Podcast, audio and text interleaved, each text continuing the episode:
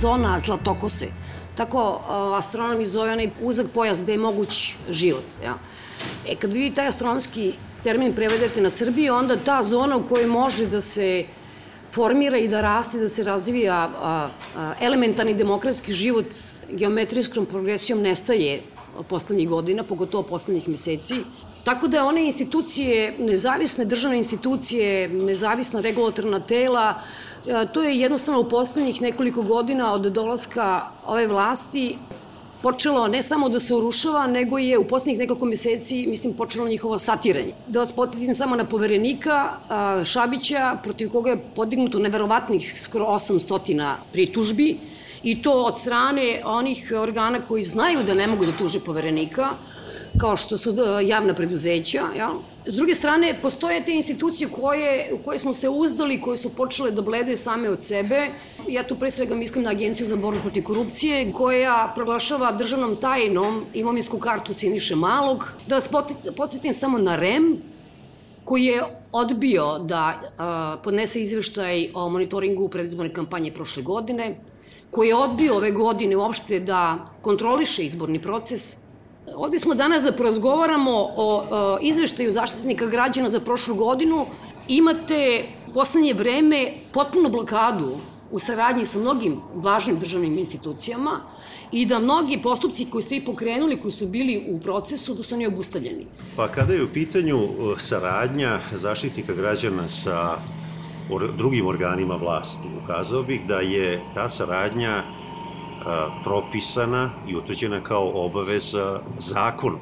Kao jedan od najilustrativnijih primera nedostatka saradnje sa zaštitnikom građana je upravo odnos sa Narodnom skupštinom Republike Srbije.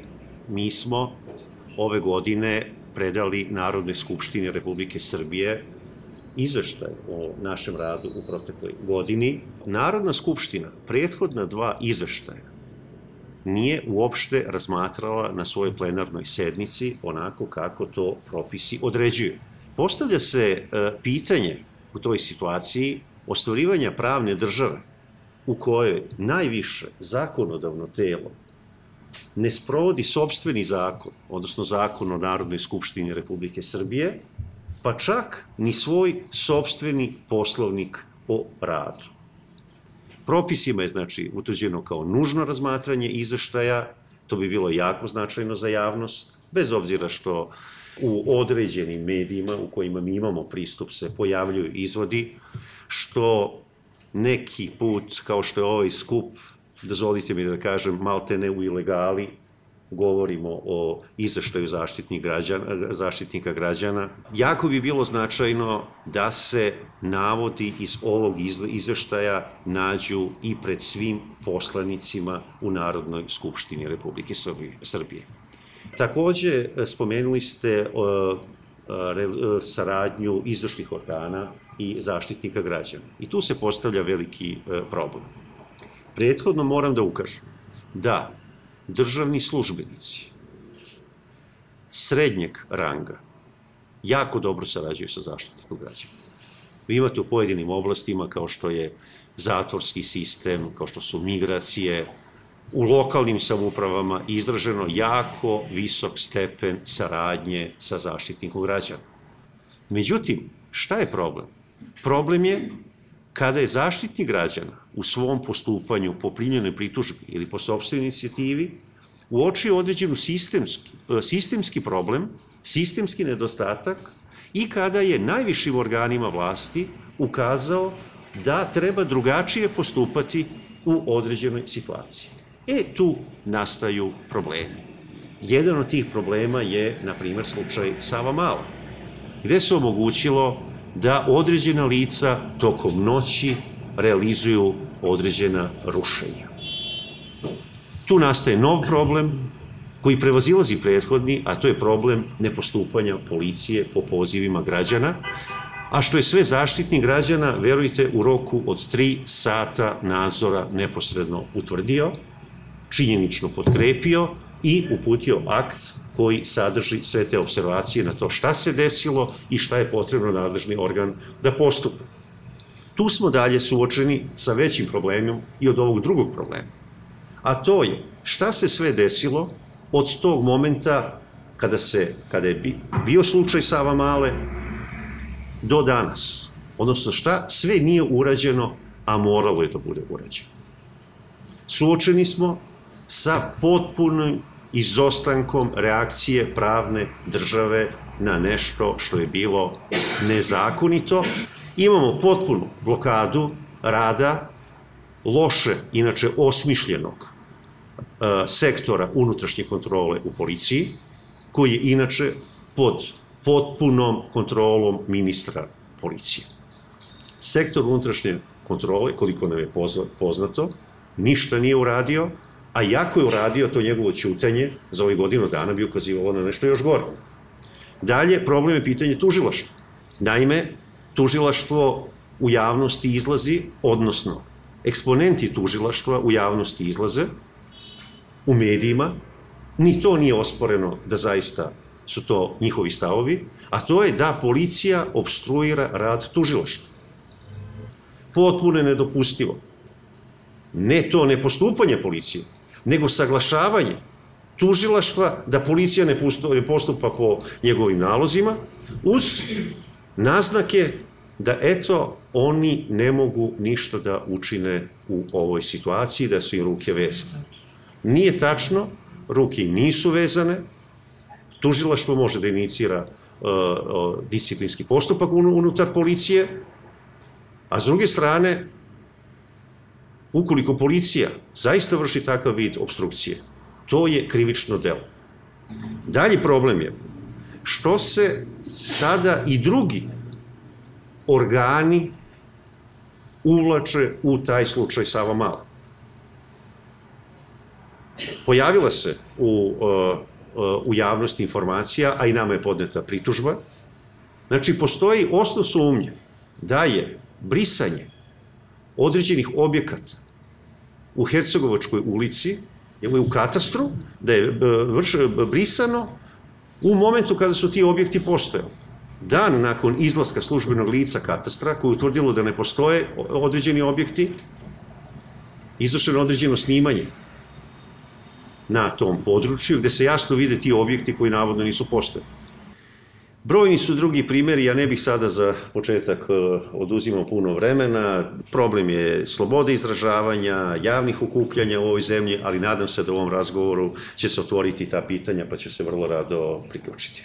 Vi ste pomenuli ovaj sektor unutrašnje kontrole, ja se nadam da će neko to ispitati, ja ne znam da li vašoj nadležnosti ovo što se desilo sa suspenzijom policajca koji je priveo sina Zvezdana Jovanovića. E, sektor unutrašnje kontrole se takođe tu oglasio, ministar se tu takođe oglasio i zaista bi bilo veoma važno da znamo da li atentator na primjera Đinđića ima takvu moć da piše ministru policije, da mu preti da obuzda, kako je rekao, svoje besne pse, i da taj, čovjek, taj policajac bude suspendovan. Dakle, to je jedan slučaj da bismo mogli da vidimo da li je moguće da smo dotle došli, dakle, da Zvezdan Jovanović može da rukovodi a, jednim delom policije iz zatvora. Ajde da se pozovem na te istraživanja koje mi se čini da su dosta logična, a koje bi se mogla oceniti da su njihovi rezultati šizofreni i sve češće kada objašnjamo situaciju u Srbiji moramo da koristimo medicinske termine. I ne samo situaciju, nego i neke ljude. Dakle, s jedne strane, praktično nema čoveka koji ne veruje da u, u policiji ne postoji korupcija, Dakle, veruje da su svi policajci korumpirani, a s druge strane raste poverenje u policiju. Pa jeste, mi imamo, ovaj, radimo istraživanje javnog mnjenja već od 2012. godine i skoro svake godine imamo istraživanje javnog mnjenja imamo jedan taj upravo šizofreni podatak da istovremeno raste poverenje e, građana znači u policiju gde je negde oko 52, znači više od polovine stanovništva veruje ovaj, policiji kako obavlja svoj posao, a s druge strane raste i percepcija korupcije. I prošle godine kada smo radili istraživanje, samo 3% građana nije verovalo da nema korupcije u policiji, odnosno da nema korumpiranih uh, policajaca, dok tri četvrtine građana smatra da korupcija u policiji postoji. To je podatak govori da na neki način da smo, i to je veoma zabrinjavajuće, da smo postali društvo u kome korupcija postaje jedna normalna pojava. Iako nisam pravin, ja bih rekao da, da je postala jedno običajno pravo. Pošto su uglavnom kada se govori o korupciji u policiji, kaže se da su najkorumpiraniji ovaj, saobraćajci, što je na neki način normalno s obzirom da građani imaju najviše kontakta ovaj, sa upravo saobraćenim policajcima i da su jedni i drugi na neki način u jednoj win-win poziciji, znači ovi neće da dobijaju nikakve kazne, a policajci će da strpaju od 1000 do 3000 dinara u svoj džep. Poslednjih nekoliko godina stalno me pitaju zašto se ti, Saša, baviš baš korupcijom u policiji? I onda tu je jednostavan ovaj razlog zato što korupcija ima, ne znam, ovaj više u zdravstvu, oni taj problem je mnogo ozbiljniji nego ovaj u policiji. I odgovor je sasvim ovaj jednostavan zato što ti policajci treba da istraže tu korupciju. I kako će da istraže tu korupciju ako su i oni sami korumpirani? Ključni neki uh, organ, telo koje se bavi ovaj, suzbijanjem korupcije u policiji, to je njihova i vizija, jeste taj famozni sektor unutrašnje kontrole Ministarstva unutrašnjih poslova. Međutim, prošle godine su se desili ovaj, e, tri slučaja koja su pre svega e, veoma zabrinjavajuće jer je došlo do nepostupanja sektora unutrašnje kontrole. Znači, prvi slučaj je upravo taj o kome je gospodin Janković e, pričao jeste slučaj Sama Mala, Drugi slučaj jeste da policajci nisu, ovaj sektor unutrašnje kontrole nije proverio zašto je policija odbila da iz bezbednostnih razloga obezbedi rušenje objekata koje je u vlasništvu pripadnika vladajuće koalicije Mu, Muamera Zukorlića. I treći još jedan slučaj koji nije bio toliko ovaj, primećen u javnosti tiče se jedne aktivistkinje ovaj, inicijative Ne davimo Beograd Ksenije Radovanović, gde su je tokom jednog protesta prišli koji su se predstavili kao policajci i nakon čega je došlo ponovo ovaj, još jedan nalog iz vrha policije da se te osobe puste. Pre toga nije ovaj, ništa urađeno, na primjer da se ili ovaj, podnese krivična prijema jer se očigledno radilo o lažnom predstavljanju. Znači, postoje neke tri ključne stvari oko tog sektora. Znači, prva stvar jeste da sektor unutrašnje kontrole nije nezavisan u svom radu. Znači, postoji zakonska mogućnost da je ministar unutrašnjih poslova daje obavezne smernice ovaj, sektor unutrašnje kontrole, osim u istražnom i predistražnom postupku na zahtev javnog tužilaštva. I druga stvar jeste da je načelnik, i, a samim tim i ceo sektor unutrašnje kontrole u potpunosti odgovoran za svoj rad ministru unutrašnjih poslova. I onda je prosto neverovatno kada se čuju izjave iz medija da ministar unutrašnjih poslova nema, ovaj, nema ideju da li je sektor unutrašnje kontrole podneo nekakav izveštaj o tome šta su oni uradili povodom, na primjer, slučaja Save Male. Objavljen je izveštaj zaštitnika građana, ali objavljen je izveštaj upravo sektora unutrašnje kontrole i to je jedna, ovaj, hajde da kažemo, dobra stvar, jer je dve godine zaredom imao jedne ovaj, dobre izveštaje koje objavljuje sektor. E, čak imamo tu podatak e, što je nekakav presedan za celokupnu scenu u Srbiji koliko ljudi je sektor upravo prisluškivao, znači koliko policajaca je bilo prisluškivano kako bi se utvrdilo neko koruptivno krivično delo. Međutim, ono što zabrinjava iz celo ovog izveštaja, znači prva stvar jeste da su, da kažem, meta e, sektor unutrašnje kontrole e, saobraćeni policajci, zato što je 45, znači skoro polovina podnetih krivičnih prijava ovaj, se tiču uh, saobraćenih policajaca, i s druge strane da je za pola smanjen broj podnetih krivičnih prijava protiv rukovodioca u Ministarstvu unutrašnjih poslova. Prošle godine, u stvari pretprošle, 2015. podneto je 31 krivična prijava, a ove prošle godine podneto 18. Tako da ona cela priča o tome da, da nema nedodirljivih u policiji je na neki način i dalje jedan medijski trik koji se koristi u Srbiji isto kao i ova masovna i atraktivna apšenja i ono što je, na primjer, kada govorimo uopšte o borbi protiv kriminala u Srbiji, gde za jedan dan imamo ovaj, e, masovna hapšenja za različita krivična dela, to se isto takođe preliva i na policiju. Tako smo prošle godine imalo masovno hapšenje saobraćenih policajaca u Čačku, pre toga je bilo isto i u Beogradu, a one 2014. godine, na primjer, bilo je, uh, tada su pohapšeni svi pripadnici saobraćene policije u jednoj maloj opštini, znači pored Kraljeva u Kniću, i svi ti ljudi koji su pohapšeni su sada vraćeni na posao.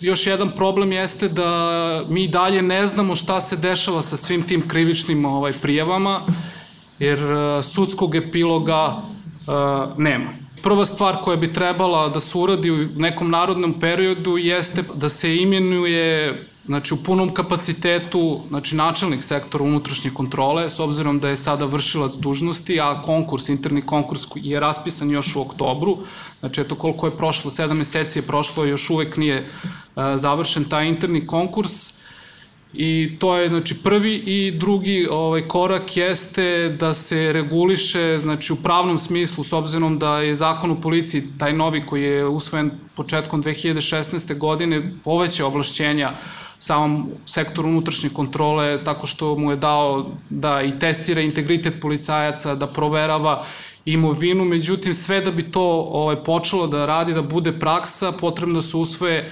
podzakonski propisi I ono što je problem, i tu smo naisli e, mi u Beogradskom centru za bezbednostnu politiku, pošto ovaj, smo dobili pitanje i od samih policajaca šta je to test integriteta, jednostavno Ministarstvo unutrašnjih poslova ne želi da da uh, predloge tih akata kako bi imali znači, neku javnu raspravu o tome šta zaista znači kako će se taj integritet policajaca ovaj, rešiti. Druga stvar, još jedan veoma važan podzakonski akt, to je uputstvo, u stvari pravilnik o, o načinu vršanja unutrašnje kontrole i građani unutrašnje kontrole policije i građani na taj podzakonski akt čekaju znači punih 12 godina. Ne želim da minimiziram problem korupcije, mi ovde govorimo o pitanju zakonitosti rada prvo ministra, pa onda sada a, a, raznih rukovodilaca MUPA. Ministar bivše policije, ovaj, Dačić, je pre neki dan rekao da bi Jonuz Musliju, predsednik nacionalnog veća Albanaca iz Preševske doline, u svakoj otprilike normalnoj zemlji bio uhapšen, zato što je tvrdio da je Edi Rama njegov predsednik, a ne Vučić, i da je Preševska dolina deo Albanije ili već tako nešto, ali da jednostavno neće Vučić da ga hapsi, da ne bi izazvao nestabilnost i tako dalje, jel? Prema tome čovjek javno kaže tu jednu stvar, u ostalom kao i za rušenje ovog objekta dole Muamera Zukorlića. Da. Ne vidim zašto je to predmet čuđenja kada postoji princip oportuniteta na strani javnih tužilaca i po tom principu oportuniteta, to sam čula ovo isto iz sali, mnogi lokalni rukovodioci, uglavnom iz SNS-a pre nego što su to postali, koji su bili gonjeni za različita krivična dela od saobraćenih do nekih ovaj, zloupotreba položaja su se lepo sporazumeli sa javnim tužiocem, oni su imali da uplate nešto za društveno korisne svrhe i smatraju se neosuđivenim, što je vrlo bitno za zauzimanje određenih pozicija koje danas zauzimaju. Nije problem samo u postupanju ovaj pojedinačno od tih organa, nego je jedan ozbiljan problem i u našem zakonodavstvu i na nešto od toga je ukazano i u ovom izveštaju, ali to sam samo uzgred rekla. Zaštitnik građana nam kaže da je 88,88%, praktično 90% njegovih preporuka da potrebujem taj mangupski termin, koji je ispoštovano, jel da, od strane nekih raznih... I gospodin Janković je rekao da je uglavnom taj srednji ešalon je poštovao i sređivao sa zaštitnikom. A šta se onda bunimo za tih 10%? To je pod jedan, to je fantastičan rezultat za Srbiju, statistički gledano.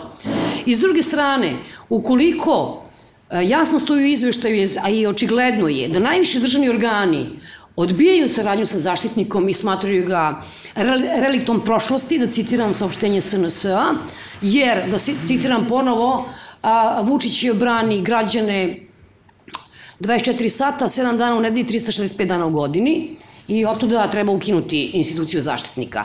Dakle, ako se oni tako ponašaju, onda će vremenom i taj srednji ešalon odbiti da sarađuje ne samo sa zaštitnikom, nego i sa mnogim drugim nezavisnim državnim institucijama. Ja ne delim mišljenje kolege Vučića da je to ovaj, zastarala institucija, to je institucija koja postoji u gotovom svim e, zemljama sveta, a postoji upravo da bi štitila prava građana od, na primer, premijera, od predsednika Republike, od e, koordinatora bezbednostnih službi, od od bilo kog ministra. Dakle, jer oni su, dakle, predstavnici države najčešće u situaciji da na najbolniji, najteži način povrede prava velikog broja građana. Dakle, ova institucija ombudsmana postoji kod nas 10 godina.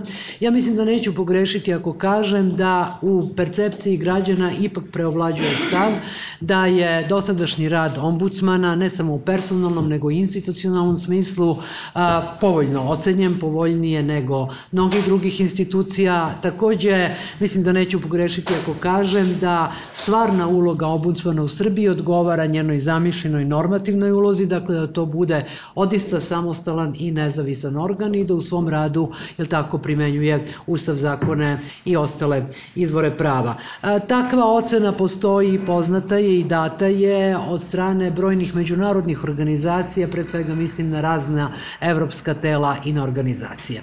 Takvu, međutim, ocenu ne dele naši državni organi.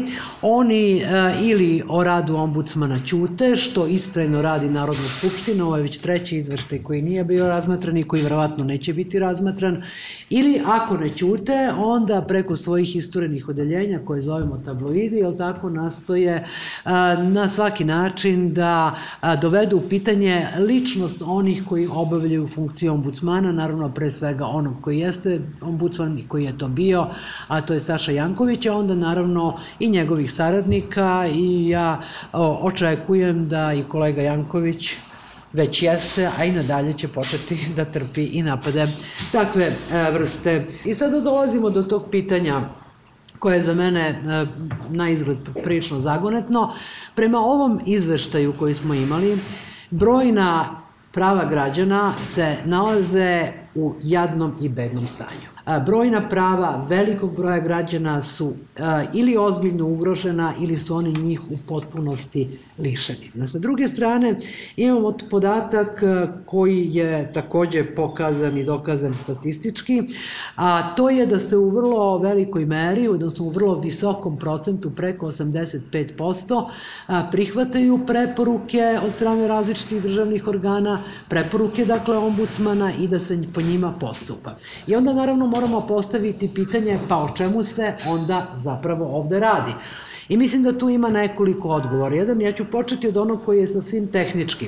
Ni u jednoj zemlji, pa i ni u našoj, ombudsman nije zamišljen tako da reaguje na svaku povredu koji organ državne vlasti ili lokalne samouprave ili bilo koji drugi nosilac javnog ovlašćenja učini kada povredi građanje, nego da da preporuke, neku vrstu smernica kako će se postupati u takvim i sličnim slučajevima. Kod nas je, međutim, to smo mogli da vidimo iz ranijih izveštaja iz ovog ovde, običaj takav da će će u jednom konkretnom pojedinačnom slučaju taj državni organ postupiti po preporuci koji je data, ali će u narednom slučaju napraviti istu onu grešku zbog koje mu je preporuka data, pa se onda opet mora ponovo reagovati, a to prosto jedan servis kakav je ombudsman ne može da proizvede u, dovoljnoj količini kada računamo broj povreda koje tu postoje. To je jedno.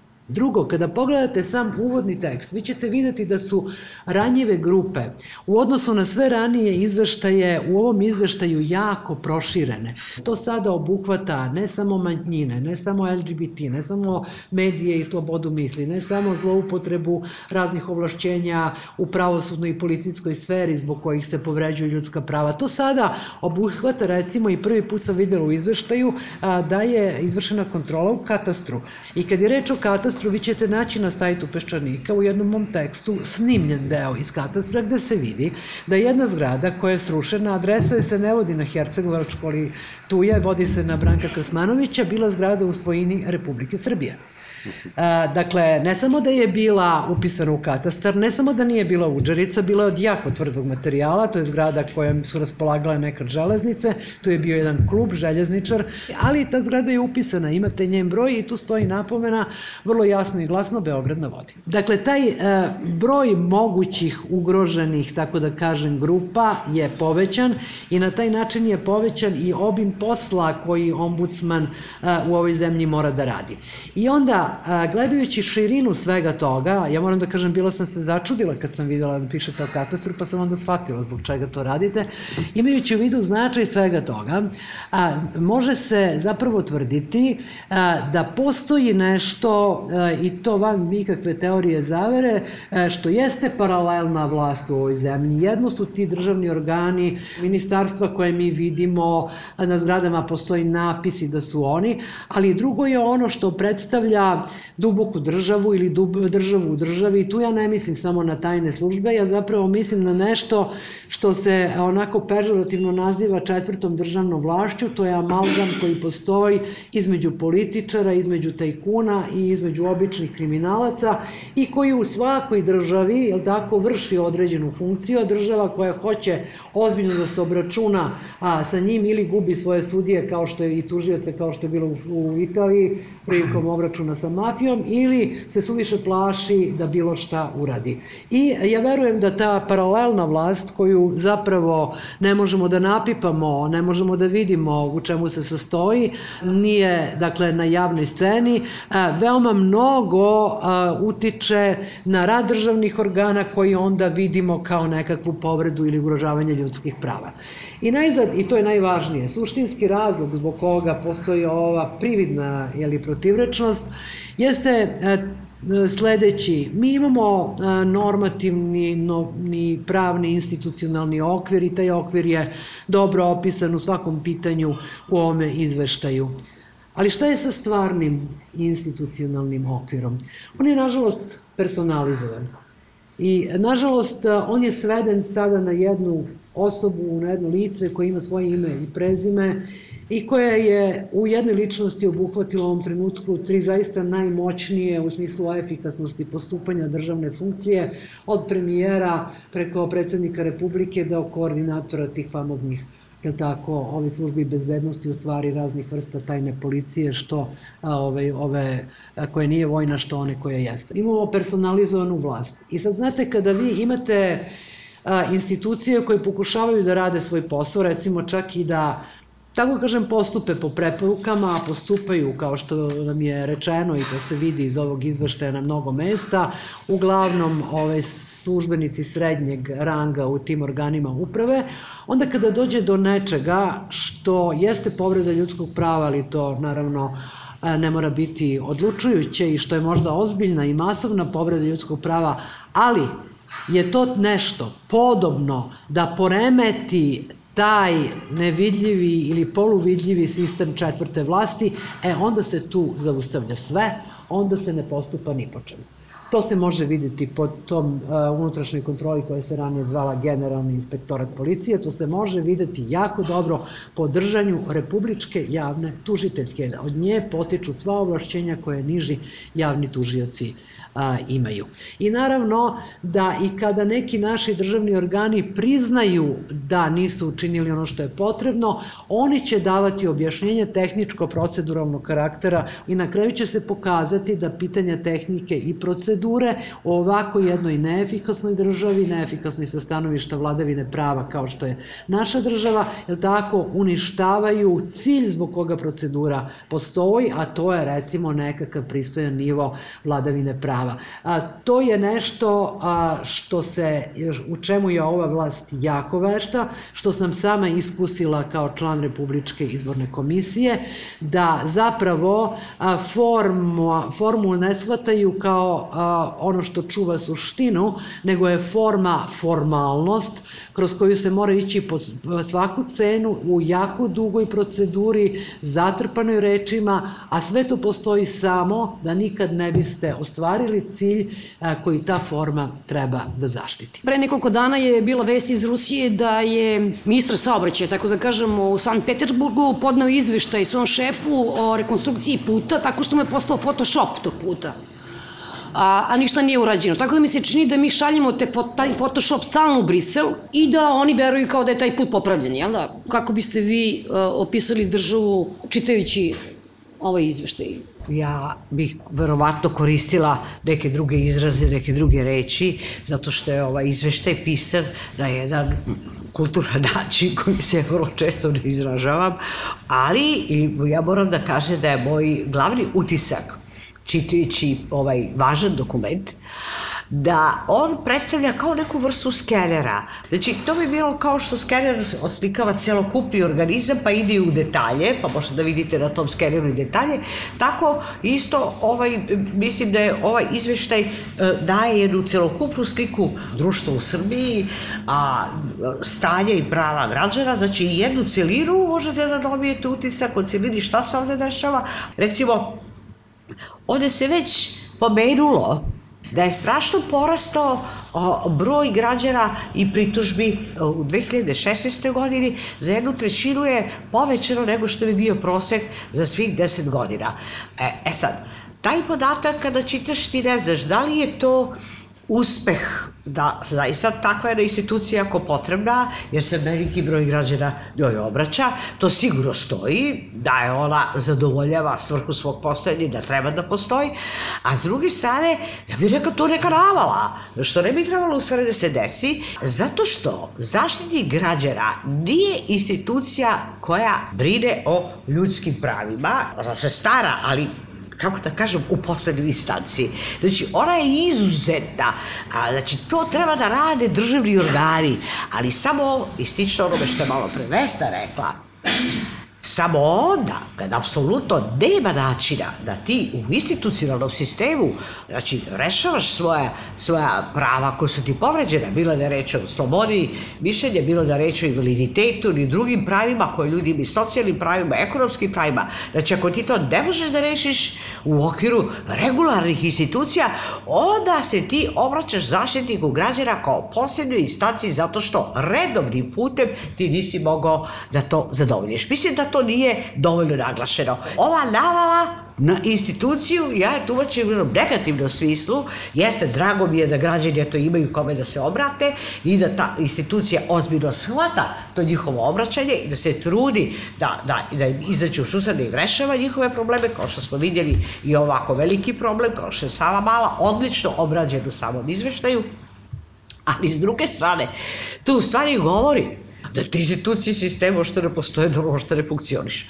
I što je vrlo zanimljivo, i u samom izveštaju, ja mogu da citiram ovde jedan deo, gde se to vrlo precizno kaže. U Srbiji nije uspostavljen funkcionalni sistem otklanjanja nepravilnosti u radu organa javne vlasti u kome bi zaštitnik otklanjao samo izuzetne nepravilnosti i nezakonitosti na štetu prava građana, kako je inače zamišljena institucija ombudsmana. E sad, u čemu je problem? Ovde je bila malo prepomenuta ta unutrašnja kontrola. Znači, institucije same treba da funkcionišu tako da otklanjaju određene ostatke. E sad, Vidite, šta je problem sa tom unutrašnjom kontrolom? Sa tom unutrašnjom kontrolom je problem u tome da to kod nas uopšte u stvari ne funkcioniše. A ta unutrašnja kontrola bi trebalo da bude glavni taj mehanizam tog funkcionalnog sistema koji otklanja te nedostatke, bilo da je reč o opštinskom organu ili bilo kom drugom organu. Evo zbog čega. Zato što su sve te ustanove i javna preduzeća, samo da vam kažem, i oni imaju unutrašnju kontrolu i oni imaju unutrašnju reviziju. Recimo, unutrašnja revizorka u JAT-u a, prijavi i kaže da direktor kupuje neke stabilne telefone koji posle toga na nake nabavke koje uopšte nisu potrebni, kaže 500 komada, kaže uzme ih, baci ih i ništa, kaže ja uzem prijavim te nabavke, a u revizor Međutim, od toga prijavim, oni kažu, prišta. Šta se dešava? Ti ne možeš da kažeš šefovima, nadređenima, zato što ti moraš da priznaš tu unutrašnju kontrolu kao neku vrstu nezavisne institucije u sobstvenoj instituciji, a ti njih smatraš kao nekim podređenjima koji ne smije da ti se obrate. Direktori u preduzećima, kad im izađu s tim, oni kažu, ej, koji si mi ti, da ti meni stavljaš primetbe. I To je ono što na među prvi stranicama ovog izveštaja izgovoreno i u samoj skupštini.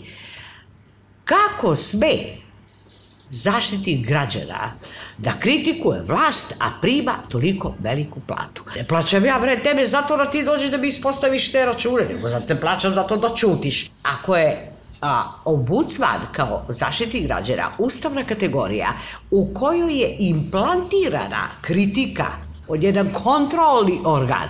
I u njemu je bladirana kritika mu je eminentna. Zato je plaćen da kritikuje. E, e sad kad se pojavio ombudsman koji stvarno to obavlja, ili masa, masa tih institucija, ti što su tamo tadašnji neki koji treba da to radi, da kontrolišu, možda se ne bave tim poslom. E sad kad se on počeo da bavi tim svojim poslom, verovatno su si bili totalno zgranuti. E, još veliku platu primaš i vidiš šta nam radiš. I tu lepo stoji izveštaj i kaže, znači, Koliko bi bilo manje kritike, toliko bi proporcionalno trebalo da bude veća plata. A koliko ima više kritike, toliko bi trebalo da se ta plata umanji, a najbolje da se ti otpuste da uopšte i ne postoje. Suštinska nemogućnost da ti prihvatiš kontrolu, bilo da je ona spoljašnja, kao što recimo možemo da govorimo o kontroli Evropske unije koja je spoljašnja kontrola ili druge vrste spoljašnjih kontrola, recimo kad je reč o policiji i mi kao građani možemo da vršimo spoljašnju kontrolu policije i bezbednosti snaga, a ne samo unutrašnju kontrolu. Znači, to je, čini mi se, jedan od glavnih problema, zato što mi ošte i nemamo sistem da postoji uopšte impartial, što bi se reklo, znači neka neutralna tela i naravno da onda možete da vidite da od dolaska ove vlasti, kako već Vesna govorila i naznačila Svetlana, da sad vidite te veoma otvorene negativne tendencije. E sad tu postoji neka izvesna zamora zato što te negativne tendencije su postojale i ranije. Znači nije počelo sve od njih. E, ali čim se to kaže, to onda izgleda kao neka vrsta opravdanja, pa si rekao pa to je bilo i pre toga. Znate šta, nema ni jedne pojave kad je gledamo sociološki da nije baš baš nikako postojala ranije. Naravno, da uvek postoji nekakav kontinuitet. Ali ovde se vide dva nekakva procesa koja se istovremeno dešavaju, a to je jedno stravično osiromašenje građana Srbije. Znači, a, i to masovno. Drugo, a, same plate, isplaćivanje plata, to je veoma dobro obrađeno, moram da kažem, u, u vašem izveštaju, da ne samo što je najveći broj pritužbi na kršenje ekonomskih i socijalnih prava, nego a, što je politika štednje, smanjivanja penzije i plata, vladajuća ekonomska politika koja se sprovodi sada već tri godine i koja je dovela do ovog siromašenja, ona automatski pravi sijaset korelacija, odnosno uticaja na sva, sve druga prava, onda na sve druge ranjive grupe. Mislim da je to iz ovog izveštaja potpuno jasno. Znači, nije reč samo o tome što su radnici pogođeni i kad pogledamo koliko su otišta na dole sva moguća prava. Znači, bilo da je reč o socijalnim davanjima, bilo da je reč o siromašnoj deci, bilo da je reč o, o, o deci koji su na roditeljskom domskom smeštaju, bilo da je reč o psihijatrijskim bolesnicima, bilo da je reč o deci koji su, imaju invaliditet sa bilo da je reč o romskoj grupi. Znači, sve te ranjive grupe ko, koje imaju određena prava i gde su potpisane određene rezolucije međunarodnog dokumenta, sve je otišlo na dole, tako da nije deficit, i to bih volila da naglasim, ovo o čemu se stalno priča, nije samo deficit budžeta, Pa kad ti otkloniš deficit budžeta time što zakidaš ta od, određenim prihodima, ti u stvari napraviš deficit u kulturi, ti napraviš deficit u nauci, ti napraviš deficit u zdravstvu, ti napraviš deficit u obrazovanju. Kako da kažem, mi vidimo jedno drvo budžet, pa se radujemo, čak i aplaudiramo, eto smanjen je deficit, ali mi ne vidimo šumu tog drveća u deficitu celoga društva koje je u apsolutnoj propasti zbog tog smanjenja ovog glavnog deficita. To je taj jedan proces koji proizveo znači, opšti pad u načinu života i održavanja neke ljudske egzistencije na svim njenim nivoima. Međutim, paralelno s tim, mi vidimo sad ovaj proces o čemu sad ovde bilo već mogo reći.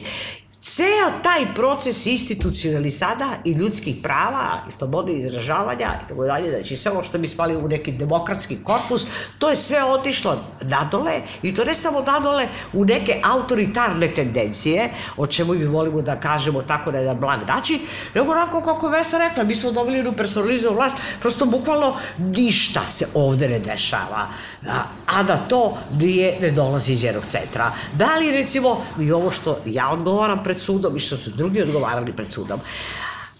Takva vrsta funkcionera ili državnika koje mi danas imamo, oni ne razlikuju jednu osnovnu stvar, da oni nisu obični građani. Znači, oni neprekidno rade to stalno švenkuju dve vrste uloga, gde se stvara ogromna, o, ogromna kako da kažem, neravnopravnost samih građana. Znači, oni se pozivaju na to da mogu da budu obični građani. Ama čoveče, ti si ministar policije, ti si, ti si običan građanin, samo kod svoje žene i dece ili kad se kupaš u kupatilu. Čim izađeš na ulici, ti si ministar. Sve kad ti stavi neku kameru, ti si isključivo ministar. Ti kad uđeš u kafanu, niko ne kaže ušao Nebojša Stefanović, nego kaže ušao ministar u kafanu. Znači ti samo u sva četiri zida si običan građanin. Ali oni neprekidno to rade. I Vučić to kaže.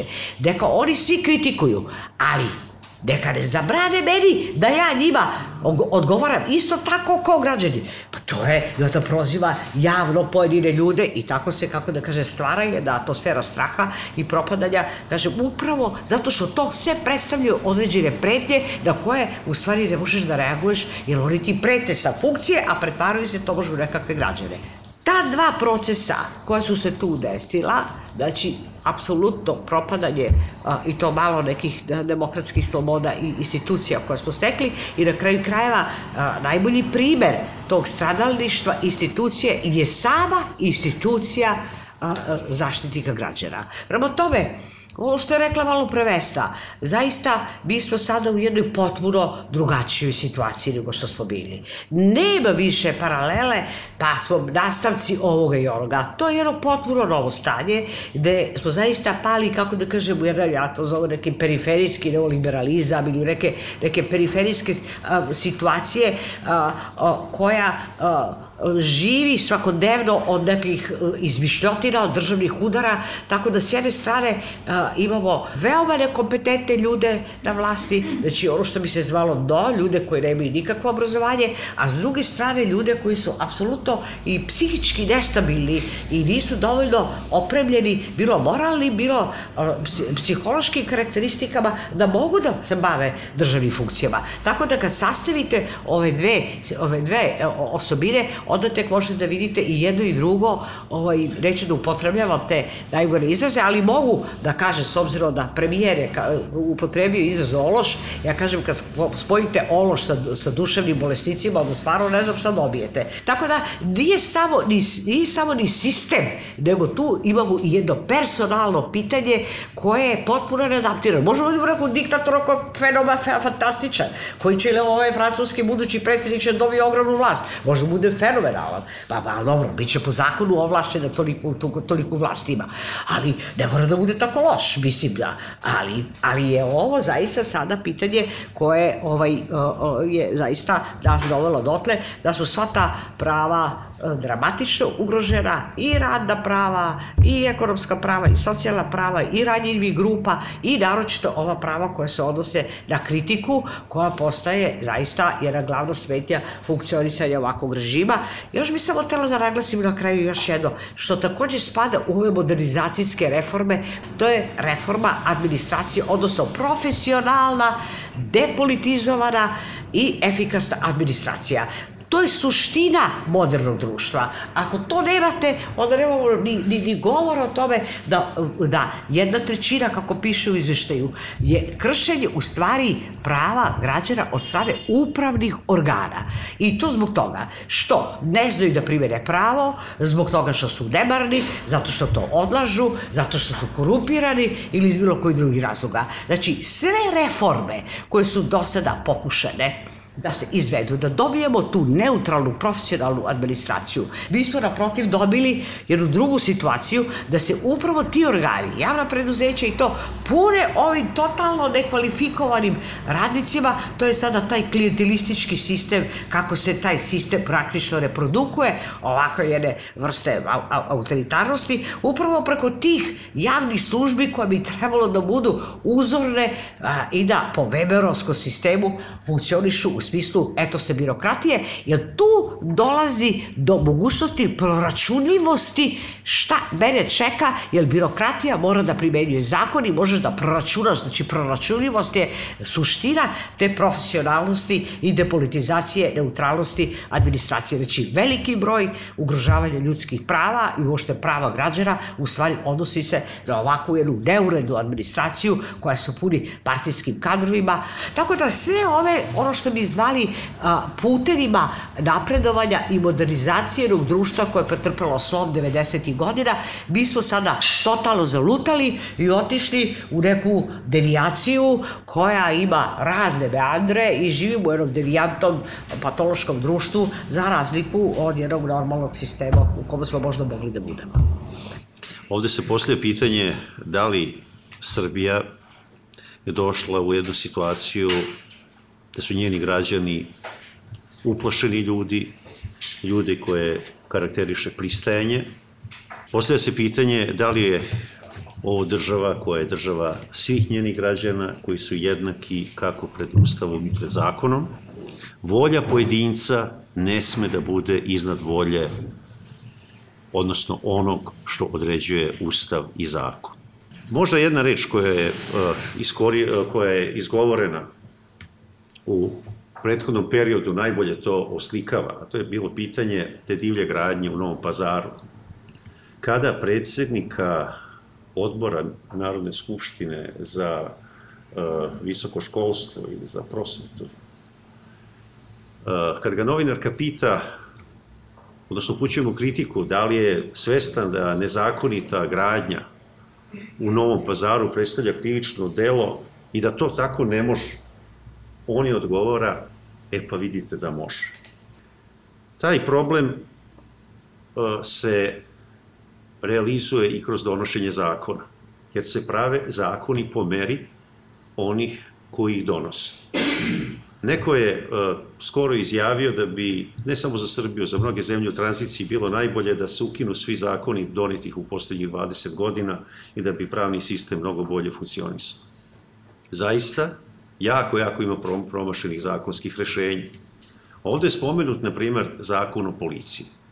E, kada smo mi napisali mišljenje na zakon o policiji, koje je bilo poprilično kritičko mišljenje, Onda je stranac koji je angažovan kao savjetnik u Ministarstvu unutrašnjih poslova dobio prostor na sajtu Ministarstva policije, koji je e, povodom našeg mišljenja na zakon o policiji rekao da zaštitnik građana ne razume kontekst.